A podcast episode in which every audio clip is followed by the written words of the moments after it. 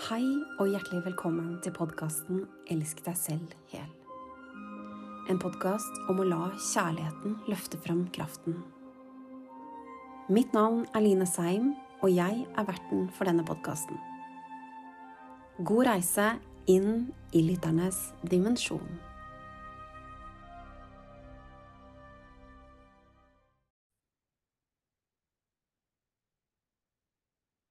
Hei og hjertelig velkommen tilbake til en ny episode.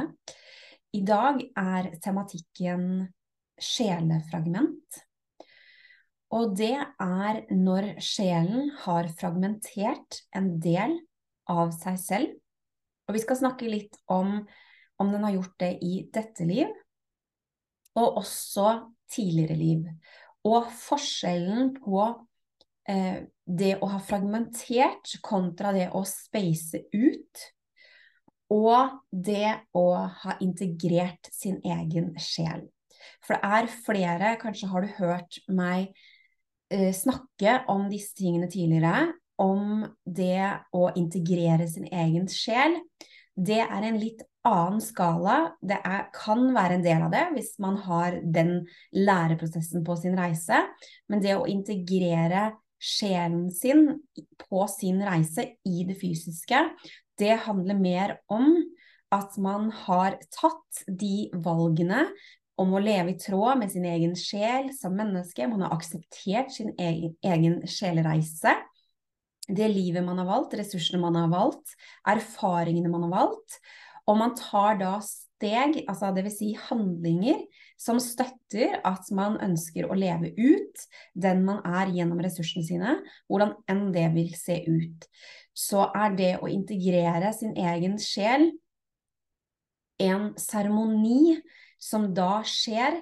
Dette er ikke noe vi kan kontrollere, dette er noe som man vil kjenne en dragning mot og vil erfare når tiden er inne på sin reise til å integrere sjelen fullt og helt i sitt menneskelige jeg, og hvordan man da velger å leve reisen sin, leve det ut, hvor man på en måte skaper fra, om man skaper i egenkjærlighet, eller om man da fortsetter å skape basert på reaksjoner, basert på andres forventninger, basert på det man tror at man burde gjøre, altså alle disse ytre tingene, kontra om man faktisk lever sin sanne, eh, sanne vei. Da vil man erfare at man integrerer sjelen på et steg, altså på et sted på reisen sin, som en seremoni for å da forsterke den delen og de ressursene som er i den forbindelse, dvs. Si sjeleressursene, de ressursene sjelen har med seg, som man da kan få muligheten, hvis man da velger den veien, til å integrere, til å leve ut fra og til å bidra med. Det er en naturlig del da. Men når det kommer til fragmentering, altså at sjelen fragmenterer seg, så skjer det eh, Først skal jeg ta det fra hvis det skjer i dette liv, altså i livet og at man oppdager det, eller er bevisst på det, eller egentlig kjenner det i sjelen sin. Ofte så er det bare det at man trenger å høre noen snakker om det, at man kjenner at oh, det der, det handler om meg.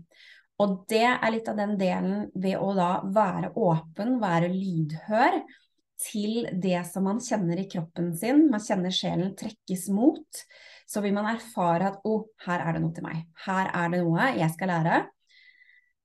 Og det vil du er mest sannsynlig kjenne på et eller annet tidspunkt, kanskje ikke første gang du hører om det, kanskje ikke andre, men at du kjenner at det er noe der til deg som du kjenner at å, oh, her er det eh, noe som jeg trenger å ta med meg på min reise. Og det er naturlig at sjelen fragmenterer seg hvis det er sterke traumer på et tidlig tidspunkt i livet. Vil si at når sjelen er veldig, veldig ren. Og det er jo også det menneskelige. Altså når vi er barn, så har vi ikke kapasitet. For vi har ikke ressursene, vi har ikke forståelsen. Når det skjer noe heftig som overgrep, fysiske mentale, noe som på en måte river og røsker såpass mye i den dype frykten, så er det naturlig at sjelen, for å beskytte seg selv, fragmenterer en del. Og det er også igjen en del av en større reise. Så det kan hende du har opplevd traumer. Altså de aller fleste av oss har jo opplevd traumer. Det kan hende at du har opplevd traumer uten at du har fragmentert. Og det kan også hende at du har opplevd traumer som gjør at du har fragmentert. Sjelen har fragmentert en del av seg selv for å beskytte den delen av sjelen, for å ivareta den delen, for å så integrere den delen når tiden er inne. Og sjelen fragmenterer seg for å beskytte seg, dvs. Si at mye av de tingene som skjer i etterkant, de er beskytta. Dvs. Si at jeg skal prøve å, å, formidle det her på en måte som gjør at det blir forståelig i det menneskelige. Sjelen fragmenterer seg én gang. Den delen da er fragmentert for å beskytte de andre hendelsene. Fordi hvis man ha, da lever i en situasjon hvor det skjer flere ganger, la oss si at man lever i en familie hvor det skjer vold, hvor det skjer seksuelle misbruk, hvor det rett og slett skjer en del overgrep, så er det ofte ting som er gjentagende over en periode. Og det at da sjelen fragmenterer på det tidspunktet, gjør at man er i større grad beskytta de andre gangene dette skjer. Det betyr ikke at det menneskelige Altså, vi får, altså, vi får erfaringen av det, men man er på et vis beskytta i sjelen, i den renheten som man da bærer. Så jeg sier det igjen, sjelen fragmenterer seg én gang ved den hendelsen hvor den trenger å gjøre det for å beskytte renheten, den kraften, den delen, som på da et tidspunkt igjen blir integrert når da du er klar for det. Og det er viktig her å være lydhør til at det skal komme innenfra, for det vet sjelen din. Så selv om sjelen er fragmentert, dvs. Si at en del har fragmentert for å beskytte, så er det allikevel en del i deg som også er sjel. Så du vil alltid vite den bevisstheten, den er jo med deg. Så hvis du er lydhør til for det er først i det øyeblikket, når du er klar til å integrere den delen, at healing kan starte. Healing av de tingene som da skjedde i det øyeblikket, og det som på en måte er eh, hovedbunnlinja Eh, til den fragmenteringa, da kan den healingen skje. Derfor er det så viktig å være lydhør til. Det ingenting andre kan pushe på deg, det er ingenting andre kan si at 'nå må du gjøre'. Det er noe du kjenner når du er klar for det, dvs. Si at du har tilegna deg de ressursene, de verktøyene du trenger. Du har de, det støtteapparatet du trenger, altså du har de menneskene rundt deg som har en forståelse som du trenger. Du vet, din sjel vet, når tiden er inne for det. Og når man har fragmentert en del av sin egen sjel, så vil man erfare at bevisstheten er utenfor en selv. Og det er jo en, en forståelse i form av at bevisstheten er jo noe som kan være utenfor oss selv. Dvs. Si at når vi forlater kroppene våre, eh, når vi dør, så eh, er jo bevisstheten fortsatt der. Men det er ganske utfordrende å ha en kropp og sjel, altså en del av sjelen, og bevisstheten utenfor seg selv. det er et ganske krevende sted å leve. Og det er ofte disse menneskene som man kan se senere, som da blir demente. Som da eh, forsvinner, og som da går tilbake i tid og lever da de tingene, altså fra de stedene, i seg, fordi at den delen av bevisstheten, den er utenfor, den har forlatt. Fordi at gjennom fragmentering så blir det sterkere og sterkere og sterkere ubehag vi mange kjenner på, fordi at det er en måte og det er en informasjonskilde til at nå er tiden inne. Men fordi at denne bevisstheten, altså denne forståelsen, har det ikke vært så mye av her på jorda. Det er ikke så mange som forstår at man fragmenterer. Vi snakker ofte om traumer, og vi snakker om sår. Men vi snakker svært sjelden om den selve fragmenteringa, og spesielt innenfor tematikken at det er sjelen, en del av sjelen, som fragmenteres. Og igjen så vil jeg bare presisere at hvis du sitter nå og lurer på eh, er dette meg, er dette noe jeg har erfart, altså er det sånn det er for meg, så er det da naturlig at du kjenner bevisstheten utenfor deg selv, samtidig som du er bevisst at du er her og nå. Så du vil kjenne at du kan si at oi, dette her er kroppen min, det føles litt rart at dette er kroppen min, jeg føler meg ikke helt i tune, altså i integrert i kroppen min. Jeg føler ikke at jeg kan styre kroppen min helt. Jeg føler at ting henger helt sammen. Det kan oppleves som om eh, avataren tar litt av og styrer sitt eget show. Og det er jo fordi at den sanne delen, altså den delen som utgjør livsenergi og, og, og mye av de tingene, det ligger jo i det fragmentet.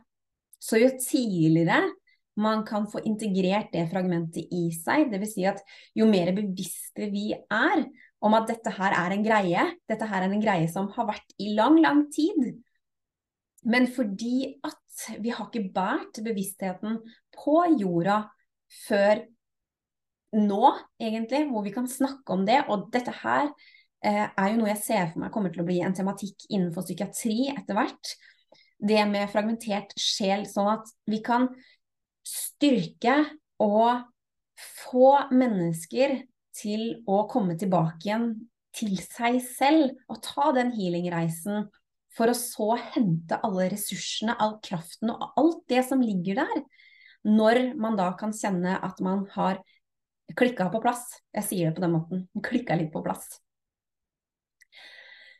Og jeg vet at det er mange som kommer til å lytte til den episoden her og lure litt på og kjenne at det er noe som liksom mm, Det er noe som høres kjent ut her, og så er det noe som ikke høres kjent ut her. Og det kan være fordi at du bærer et mønster der hvor du har en tendens, en overlevelsesstrategi, til å eh, space ut. Og mange som har fragmentert, har jo også den delen hvor de spacer ut, men du kan også ha erfart uten å fragmentere, og space ut og ha det som et mønster. Når ting blir vanskelig her, så på en måte forsvinner du til høyere dimensjoner eller til andre dimensjoner, fordi at du føler at du har sterkere connection der. Og dette er ofte mennesker som da, eller sjeler, altså menneske og sjel, som da bærer sterke ressurser i, i forbindelse med universet, som på en måte har eh, universet som talerør. Altså man kan eh, koble seg på universet og hente ned informasjon i sterkere grad enn mange andre ressurser. Ingenting er bedre, ingenting er verre. Vi bærer alle sammen forskjellige ressurser. Men det er ofte den indikasjonen på at du har en sterk, sterk ressurs i forbindelse med universet, og har åpen tilgang. Men det kan hende at du erfarer at du ikke har helt åpen tilgang, fordi at den tilgangen den eh, utvider seg etter hvert som du gjør din innsats, så at du kan utvikle din egen kapasitet, og du kan lage rom og plass i deg selv.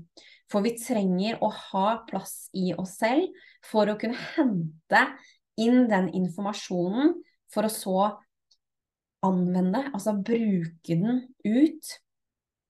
For det må integreres for at vi da så kan formidle det videre. Mange tar også inn informasjonen og integrerer det etter hvert. Alt ettersom hvordan ressursene fungerer. Så her gjelder det å kjenne etter etter hvert som du er på din reise. Hvordan fungerer det for meg? Hvordan kommer det naturlig til meg? For det er der det ligger, det er der svaret ligger. Hvordan kommer det naturlig til deg? Det du ikke trenger å anstrenge med det som egentlig bare er der, hvordan kommer det til deg? Og det kan hende at du kjenner at oh, akkurat nå så føler jeg at noen ting kommer til meg. Og det kan være fordi at du har separert deg, dvs. Si at det menneskelige, at det er noen blokkeringer, det menneskelige er mye sterkere i deg, for det ligger mye der. Mye følelser, mye tanker, mye ting som da skal opp og fram. For at du da skal kunne forsterke nettopp den koblinga som du bærer til høyere frekvenser.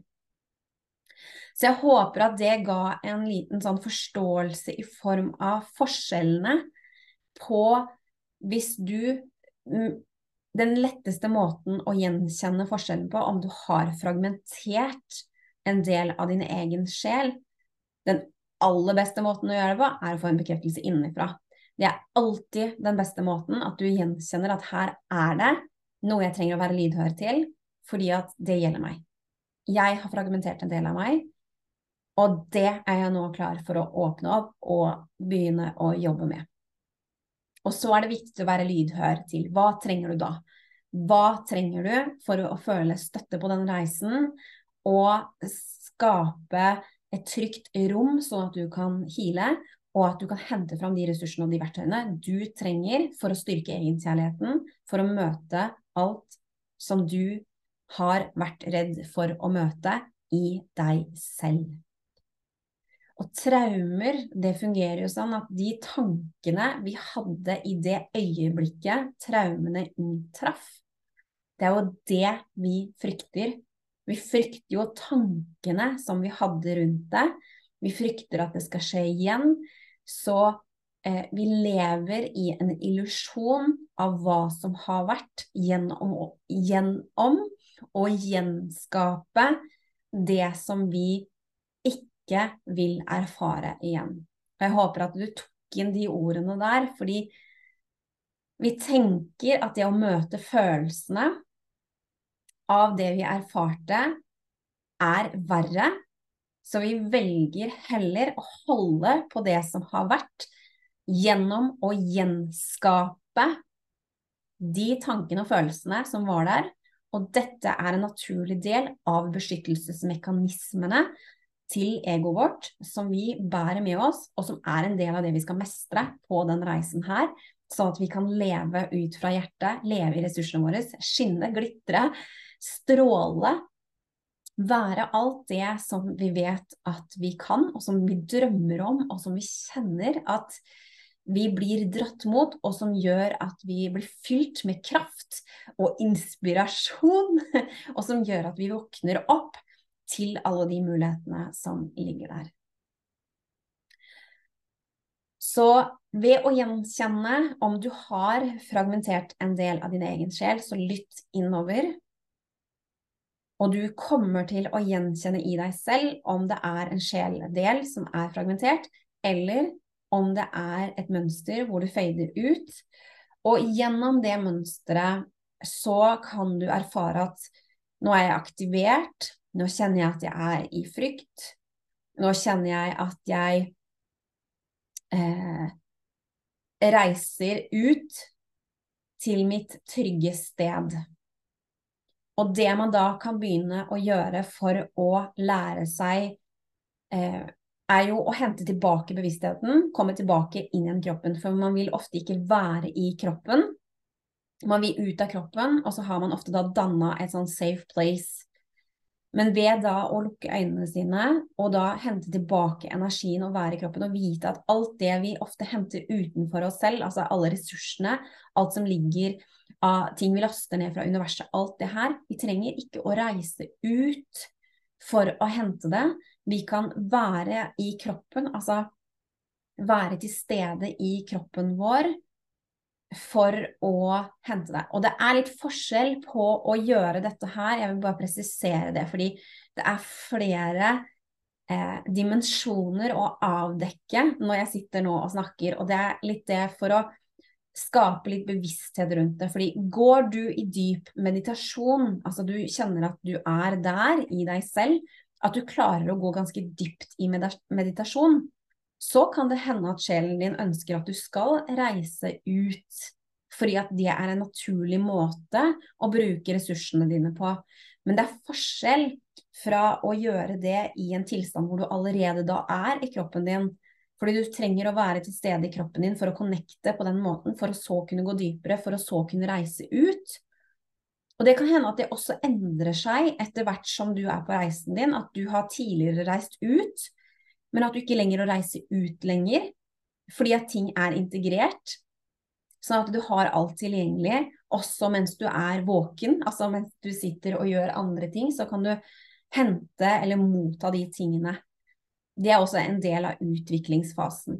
Men det er stor forskjell på det å kunne gå inn i de tilstandene kontra at man erfarer noe på sin reise som da trigger, som gjør at man så stikker man ut, og så vil man ikke være i kroppen sin. Og så har man da funnet masse strategier for å slippe å være med det som er.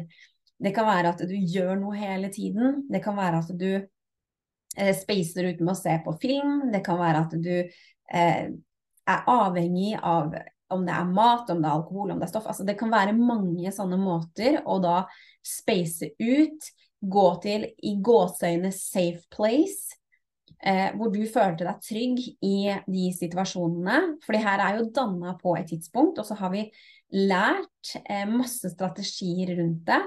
Fordi det har fungert.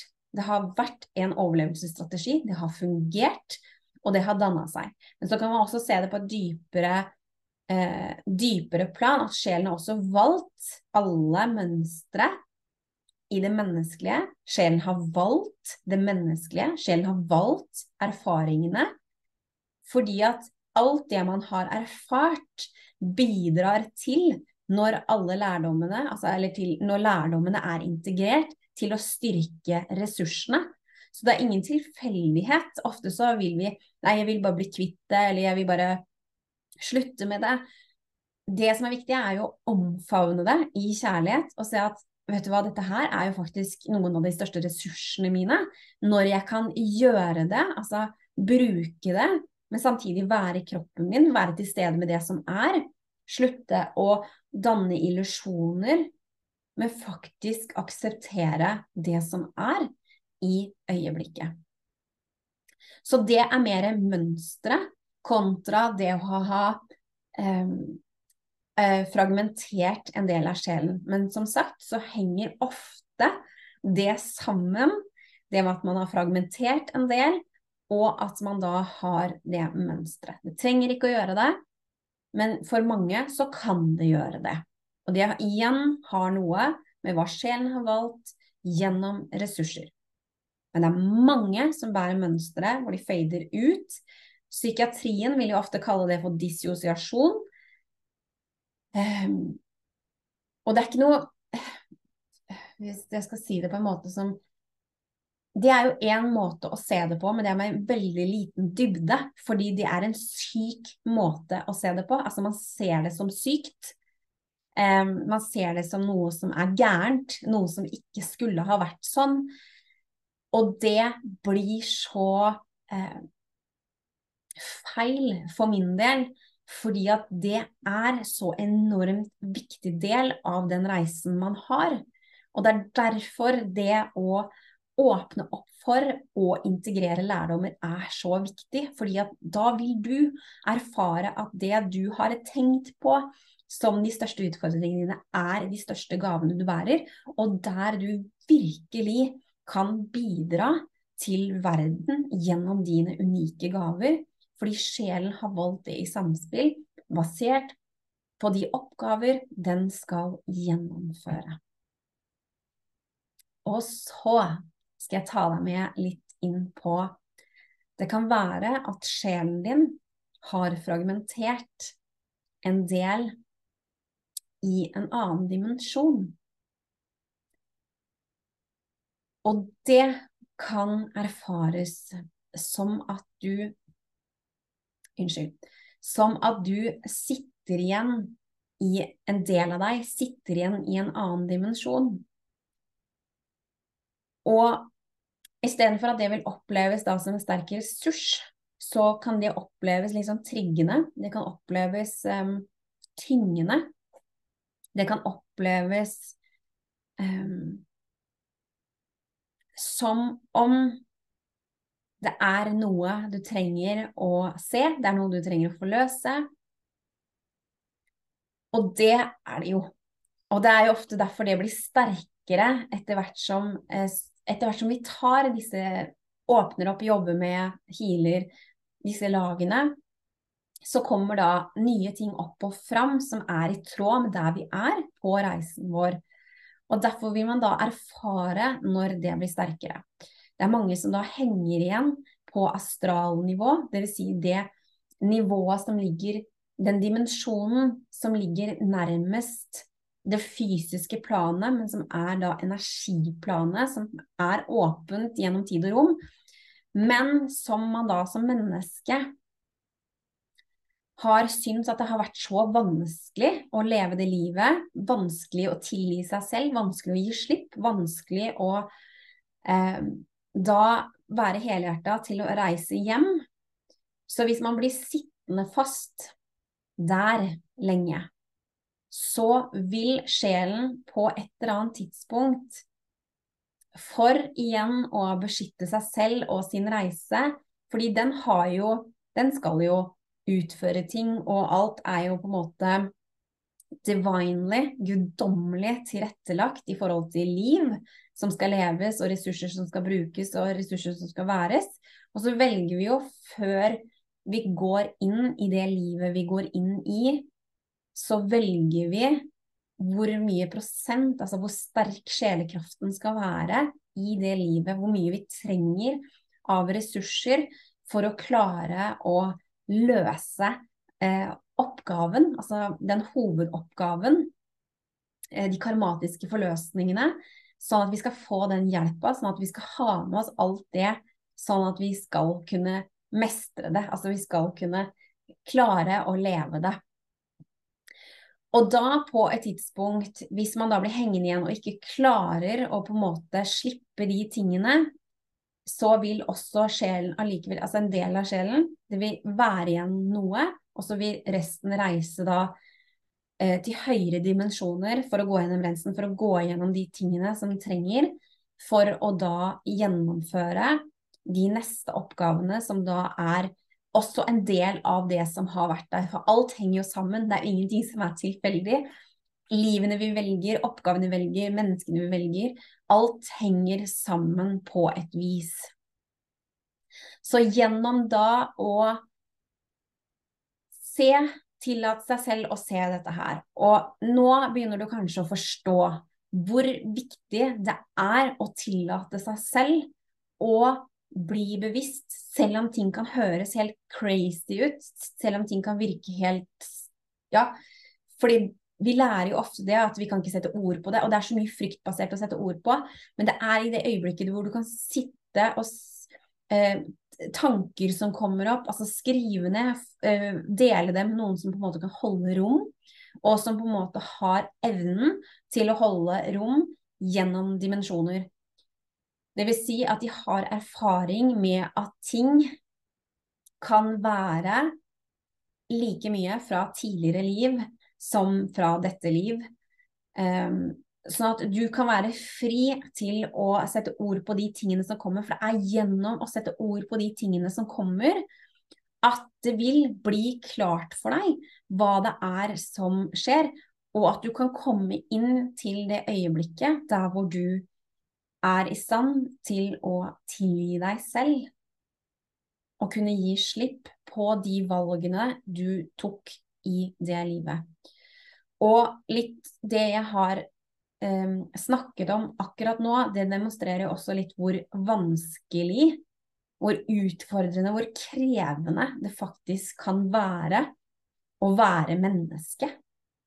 Fordi at vi blir sittende fast med denne hjernen hvis vi ikke lærer oss å gå forbi den hjernen i de fryktene og alt det som sitter der, gjennom å holde fast ved å gjenskape det fæle, altså gjenskape det vi ikke vil ha noe mer igjen av. Så i mange, mange, mange mange generasjoner tilbake så har vi drevet og gjenskapt og gjenskapt og gjenskapt det vi ikke vil ha, fordi at det har vært så mange som har sittet fast, og det har vært mange som har sittet fast igjen på astralnivå.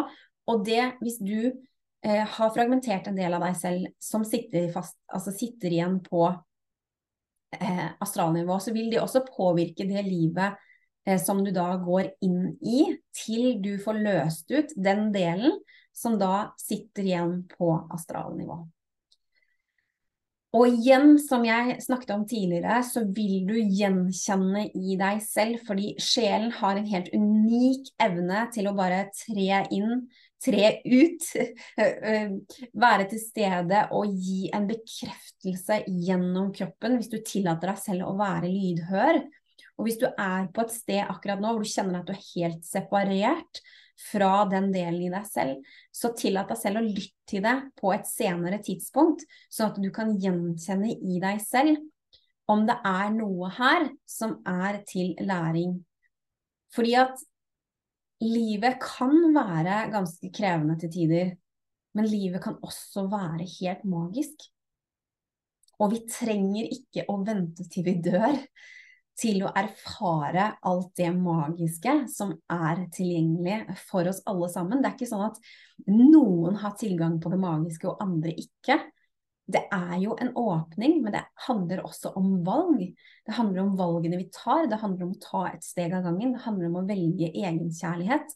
Det handler om å møte det som er vanskelig også når det rister, og når det rokker, og når det er eh, vanskelig å være deg, så velg deg allikevel.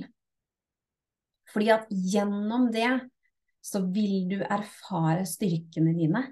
Og det er jo det vi ønsker å få fram. Altså styrkene, ressursene. Og det er lov til å føle seg svak. Det er lov til å føle at man har sider. Alle sammen har vi det. Vi alle sammen har svake sider. Alle sammen har vi eh, noe deler av oss selv som er mer utfordrende enn andre. Mange har vi ting vi trenger å akseptere, som vi trenger å lære oss å leve med. Men gjennom den aksepten For det er mye vi kan endre på. Det er mye vi kan eh, gjøre annerledes. Men det er også en del som det handler om å akseptere som det er. Og i det øyeblikket vi aksepterer det som det er, så ironisk nok så så skjer det en endring. Da skjer det en stor endring i oss, hvordan vi relaterer til det vi har. Og så plutselig så er det ikke lenger noe utfordring, det er ikke lenger noe krevende. For det er noe vi har omfavna som en del av oss. Og da tar det ikke lenger opp noe særlig plass.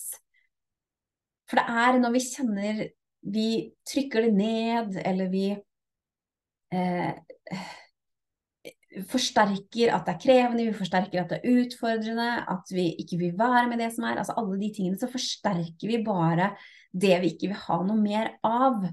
Og det er jo her igjen vi har så enormt mye um, influens på hvordan vi lever livene våre. Og det er derfor jeg liker å bruke det ordet menskaper for vi er menskapere av det sjelen er her for å utrette, og det er i omfavnelsen og aksepten av alt det at vi erfarer frihet. Og det innebærer jo også at vi eh, lærer hva er det jeg ønsker å bruke mer tid på? Hva er det jeg ønsker å holde fast ved? Hva er det jeg ønsker å å tenke, hva er det jeg ønsker å føle. For de tingene, valgmulighetene etter hvert som vi kommer ut av frykttilstandene, altså fight, flight, um, freeze, please Når vi kommer ut av de tilstandene, så åpner jo en helt ny verden seg med valgmuligheter. Kanskje har du erfart det at du kjenner i enkelte poker, epoker i livet ditt at eh, å, det bare åpner seg, så kjenner du at du har masse valg. Og så kjenner du at du har perioder hvor du kjenner at det, det, det føles som det ikke finnes noe valg. Og det er jo fordi at du er i overlevelsesmodus, og da blir det veldig veldig begrensa. For det handler om å overleve. Det er det hjernen forteller kroppen at man skal overleve. Så ved å bare gjenkjenne at ok, nå er jeg i overlevelsesmodus, nå er jeg aktivert, nå vet jeg hvorfor jeg føler, hvorfor jeg opplever at det ikke er så mye valgmuligheter. Og gjennom den anerkjennelsen, erkjennelsen overfor seg selv, for den kan være litt lei for mange å erkjenne overfor seg selv, fordi at vi har sett på det å være i frykt som en svak del.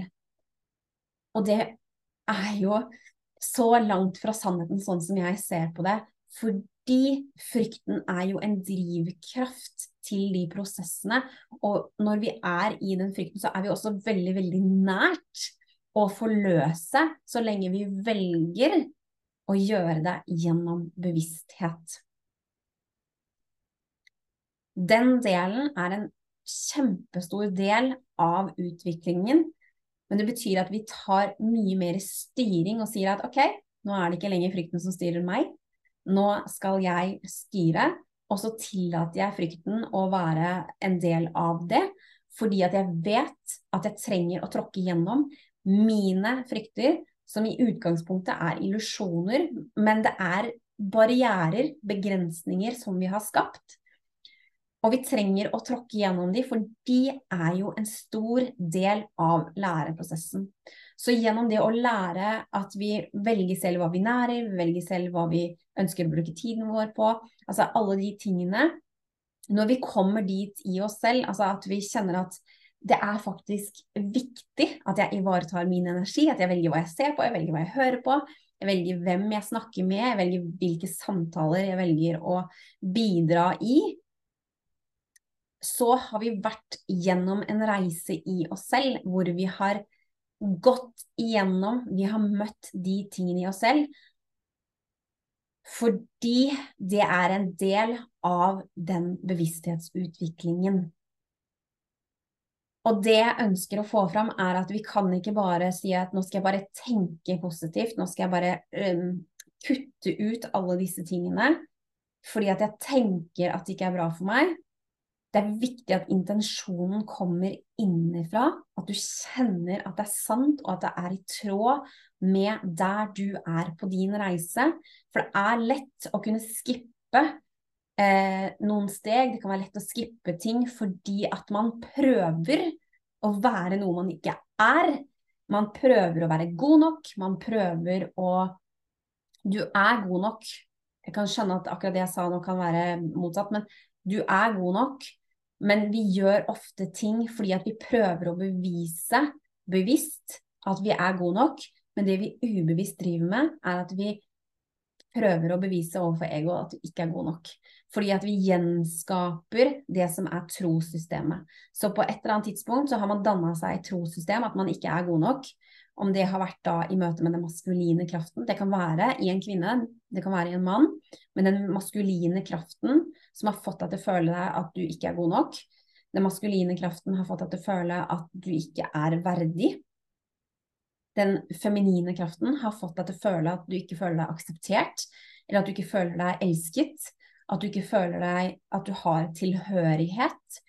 Så hvis noe av disse grunnleggende tingene som er for et menneske, altså det å føle seg god nok, det å føle at man er bra som man er, det å føle seg verdifull, det å føle seg akseptert for den man er, det å føle seg elsket, det å føle seg trygg, det å føle tilhørighet med andre. Hvis man har trossystemer som er motsatt av det, fordi at det er det man lærte som liten, så vil man da bruke livet på å ubevisst vel å merke, på å prøve å bevise det faktum at man ikke er god nok. Så man eh, er sammen med mennesker, eller eh, i jobber, eller i situasjoner som da vil forsterke de tingene. Og det er i det øyeblikket, for da kan i hvert fall ego si at ja, det var det jeg sa. Jeg er ikke god nok. Det er det mennesket tror om meg. Men når vi er helt sanne med oss selv og går ordentlig innover og kjenner etter et Oi, shit. Dette er faktisk et trossystem som jeg bærer. Jeg har trodd at jeg ikke er god nok. Og det er jo ikke sant. Det finnes ikke sant at du ikke er god nok. Det finnes ikke sant at du ikke er verdifull. Det finnes ikke sant at ikke du er akseptert akkurat som du er, uansett hvordan det tar form. Det finnes ikke sant at du ikke er elsket, og at du ikke tilhører. Det som er sant, er at du er god nok. Du er verdifull. Du er fullstendig akseptert. Du er elsket. Du er trygg, og du tilhører. Og i det øyeblikket hver og en kan kjenne det som en sannhet i seg selv, fordi man har gått gjennom strategiene, man har gått gjennom mønstrene, alt det som da har kommet opp i den forbindelse, og man kan kjenne at oi, jeg har levd livet mitt og trodd at jeg ikke har vært det, og jeg har gjort alt jeg kunne for å bevise at det faktisk har vært sant, og så er jo ikke det jeg ønsker å skape. Og det kan også for mange innebære mye sorg. Når vi begynner å se ting klart, når vi begynner å se hvordan vi skaper ubevisst, hvis ikke vi går dypere inn og ser på trossystemene som styrer. Men kraften ligges i å gå reisen, sørge for å være i bevegelse, så vil det bli naturlig for deg hva som er det som er av viktighet akkurat nå. Og kanskje akkurat nå så er det healing av alle de følelsene som kommer opp. Av alt det som bare begynner, fordi du begynner å se, du begynner å forstå. Du begynner å forstå hvorfor du har følt alt det du har følt, fordi noen faktisk har vært slemme mot deg. Du begynner å kjenne at Å akseptere at du har blitt utsatt for overgrep at du har blitt utsatt for misbruk. For at du fikk ikke dekt de behovene du trengte som et lite barn. Og det er jo første steg. Det å erkjenne overfor seg selv, akseptere at sånn var det for meg å vokse opp. Og det var vondt. Fryktelig vondt. Og det er masse følelser involvert i det. Og gjennom alt dette her så starter healingen. Det å kunne fylle, det å kunne være, det å kunne sitte med seg selv, holde rundt seg selv. Det å skape omgivelser hjemme i hjemmet ditt som føles trygge, som du kjenner at her kan jeg være, her kan jeg skrive fritt, her kan jeg snakke høyt fritt. Her kan jeg eh, kontakte eh, ja, hjelperne mine, mesterne mine, guidene mine. Her kan jeg være med det som er. Fordi nå er det trygt. Nå trenger jeg ikke lenger å bære på all den dritten her. Alt det som jeg har båret på alene og gått med, alt det som jeg har tatt imot, fordi at jeg har trodd på all den dritten. Jeg har trodd at jeg ikke var verdifull, så derfor så tok jeg imot all den dritten.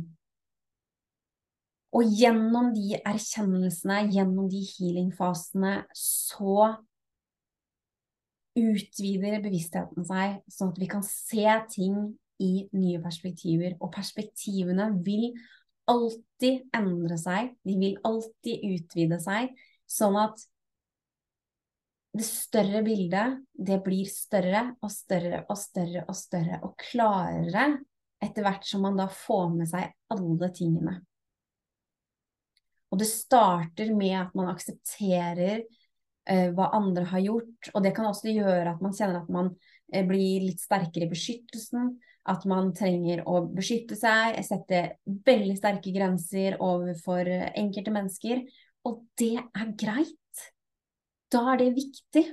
Da kjenner du at det trenger du akkurat nå. Og for da mennesker som ikke har vært så gode på å ivareta sine egne eh, behov, som ikke har vært så gode på å stå i egenkjærlighet, så er det en del av egenkjærlighet. Det er en del av å starte med å si at nå trenger jeg avstand fra disse menneskene. Nå trenger jeg avstand fra familien min. Kanskje er det det du trenger. Kanskje er det ikke det du trenger. Altså, vi er alle sammen forskjellige, men du kommer til å kjenne i deg selv hva du trenger. Og da er det viktig at du hedrer de behovene dine, fordi det er jo også nå du skal lære å ivareta dine egne behov og være for deg alt det du trenger, sånn at du kan være både en forelder og det lille barnet for å forene de delene i deg selv. For når vi ikke forener de delene i oss selv, så er jo det deler som blir sittende igjen, og som da agerer, som reagerer i situasjoner. Og så skjønner vi ikke ofte Oi, hvorfor skjedde alt det der? Det er det lille barnet i oss som da har behov for å agere, for å reagere, for å skape reaksjoner. Men når det lille barnet føler seg sett, og føler seg holdt, føler seg elsket, føler seg trygg av den voksne delen av deg, hvor du bygger bro, og hvor du møter alle disse sidene, så har de ikke lenger behov for det. For de delene, de energiavtrykkene som da hang igjen i de tidene, de er noe du transformerer gjennom kjærlighet og gjennom å bygge bro med alt i deg.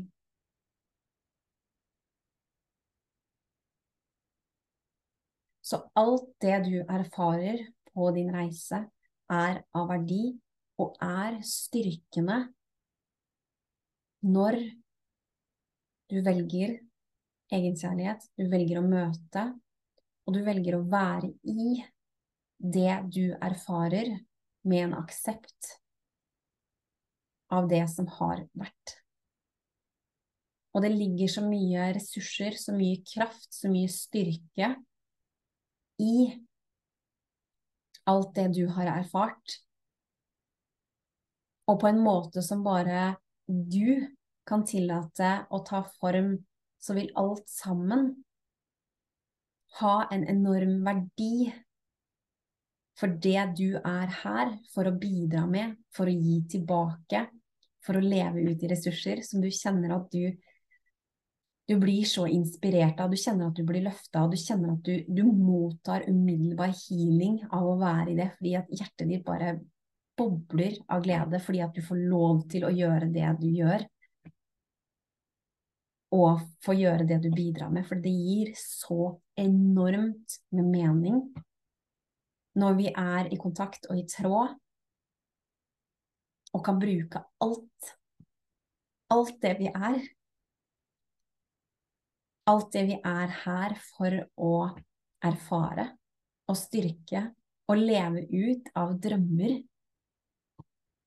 Så vit at drømmene dine, det er sjelen din som driver og viser deg, de er klare, de kan manifesteres. Det er viktig å være lydhør. Lydhør til de drømmene, og når de blir litt sterkere, og når det er noen steg kjempeviktig å handle på de tingene. For at alt det bidrar jo til at du kan få lov til å erfare det, og kjenne hva det vil si for din reise, og hvordan det kan løfte fram alt sammen. Og det gir så mening når vi står i de handlingsøyeblikkene. Det å leve ut en drøm er jo også en handling, handlingsøyeblikk. For da, da, lever vi det, da har vi handla på det. Og da blir det også så klart da skjønner vi jo hvorfor vi gjør det. Vi skjønner hva som har vært. Altså ting begynner å falle på plass når vi handler. Og det er sånn dette her bildet kan bli større og større og større. Og alt dette her som vi nå har tilgjengelig her på jorda, til å kunne erfare som mennesker, er ting som tidligere bare var tilgjengelig gjennom bevissthet etter hver og en var død. Hvor man da kunne gå igjennom og lære å integrere lærdommene og forstå og se hva som var viktig og alt dette her. Hvordan man kunne gjort ting annerledes. Og det har vi mulighet til å gjøre her på jorda for å erfare hvor enorm gave det er å få lov til å være menneske. Og hvor fort den tiden går. Det går på et blunk. Så gi deg selv den gaven og gjør det du er aller mest redd for. For det er nettopp der de aller største gavene og ting vil uh, vise seg. Så med det så kjenner jeg at um, denne episoden er ferdig for i dag, og jeg håper at det har gitt en litt større forståelse i forhold til hvordan når sjelen fragmenterer seg, og forskjellen på fragmentering av sjel kontra det lille barnet. Fordi det lille barnet, det vil også ha behov for enormt mye healing. At man kan reise tilbake til de øyeblikkene hvor man trengte å bli holdt, hvor man kan sende lys og kjærlighet, hvor man kan være med det lille barnet i det øyeblikket. Det vil være masse epoker hvor det lille barnet har behov for å reise tilbake, hvor man kan gjennom da den reisen styrke og kjenne at man var på et vis holdt, selv om man ikke kjente det så sterkt i det øyeblikket. Men man kan kjenne det i energien. Og sånn kan vi jo omskrive mye av følelsene. Det er enorm healing i å gjøre det. Og det er jo det indre barnet, altså skyggesidene, de delene av oss som på en måte sitter litt fast på eh, forskjellige eh, epoker gjennom livet. Det er det indre barnet. Kontra sjelefragmentet, som da fragmenterer seg én gang for å beskytte hvor man da erfarer at bevisstheten er utenfor seg selv, og at det er vanskelig å, eh, virkelig liksom føle kroppen sin, at man vil kjenne at man er litt utenfor, og liksom Ja, jeg tenker jo at jeg skal flytte den fingeren nå, men jeg bare føler ikke at det er meg som gjør det. At man er ikke helt in tune med den delen der. Og også kontra når det er mønstre, når man ikke vil være i situasjonen, hvor man fader ut, detter ut hvis det blir for mye.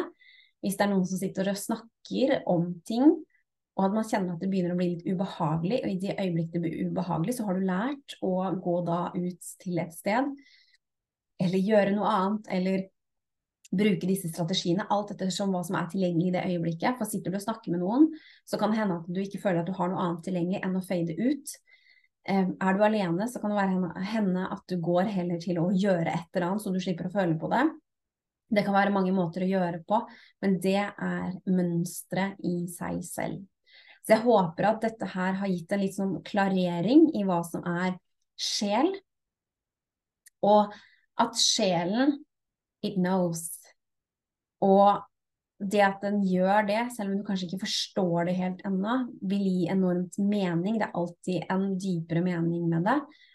Og sjelen vil alltid gjøre det den trenger for å ivareta seg selv.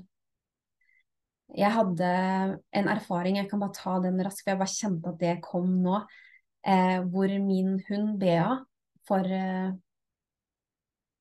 ja, tre år siden tida altså for, for, meg nå så er det liksom tid er liksom sånn, men um, ja. Rett før hun skulle dø, jeg visste at hun skulle dø, så opplevde jeg at sjelen hennes reiste ut av kroppen til da en planet, Mode Tresna, som vi har levd på sammen tidligere, i tre dager før hun da ble avliva. Og jeg erfarte at hun reiste ut av kroppen sin. Og jeg husker at jeg sa det også til de rundt meg, at det er så rart fordi at sjelen har allerede forlatt kroppen. Og jeg forsto ikke da hvorfor eh, sjelen valgte å gjøre det, men jeg skjønte jo det rett etterpå pga. de sinnssyke smertene som da var i ferd med å utarte seg i ryggen hennes pga. den skaden som var der, så valgte sjelen å forlate kroppen tidligere for å ivareta sjelen, sjelens reise. Så det er ikke alltid vi kanskje forstår, men sjelen It knows.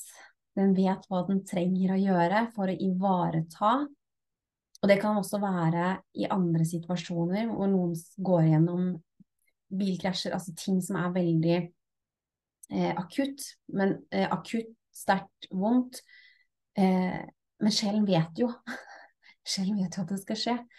Eh, hvor den da beskytter, hvis det er ting den ikke skal være med på, som også kan gjøre at bevisstheten da ikke er til stede i de tingene som gjør, og så mange da erfarer at de ikke husker noe fra øyeblikkene. Altså de husker ikke noe fra det.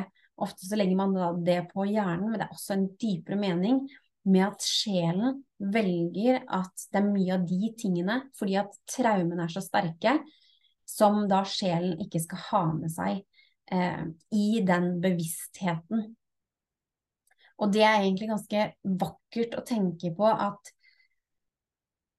det er ikke alt vi trenger å ta med oss, det er ikke alt vi trenger å erfare. Og noen ganger så er det det. Noen ganger så har vi liv hvor vi trenger å erfare å være i litt sånn brutale døder. Um, som vi er gjennom det som en del av læreprosesser, men det er også mange ganger ikke det trenger å være en stor greie. Og da er heller ikke det noe som, som sitter som et traume.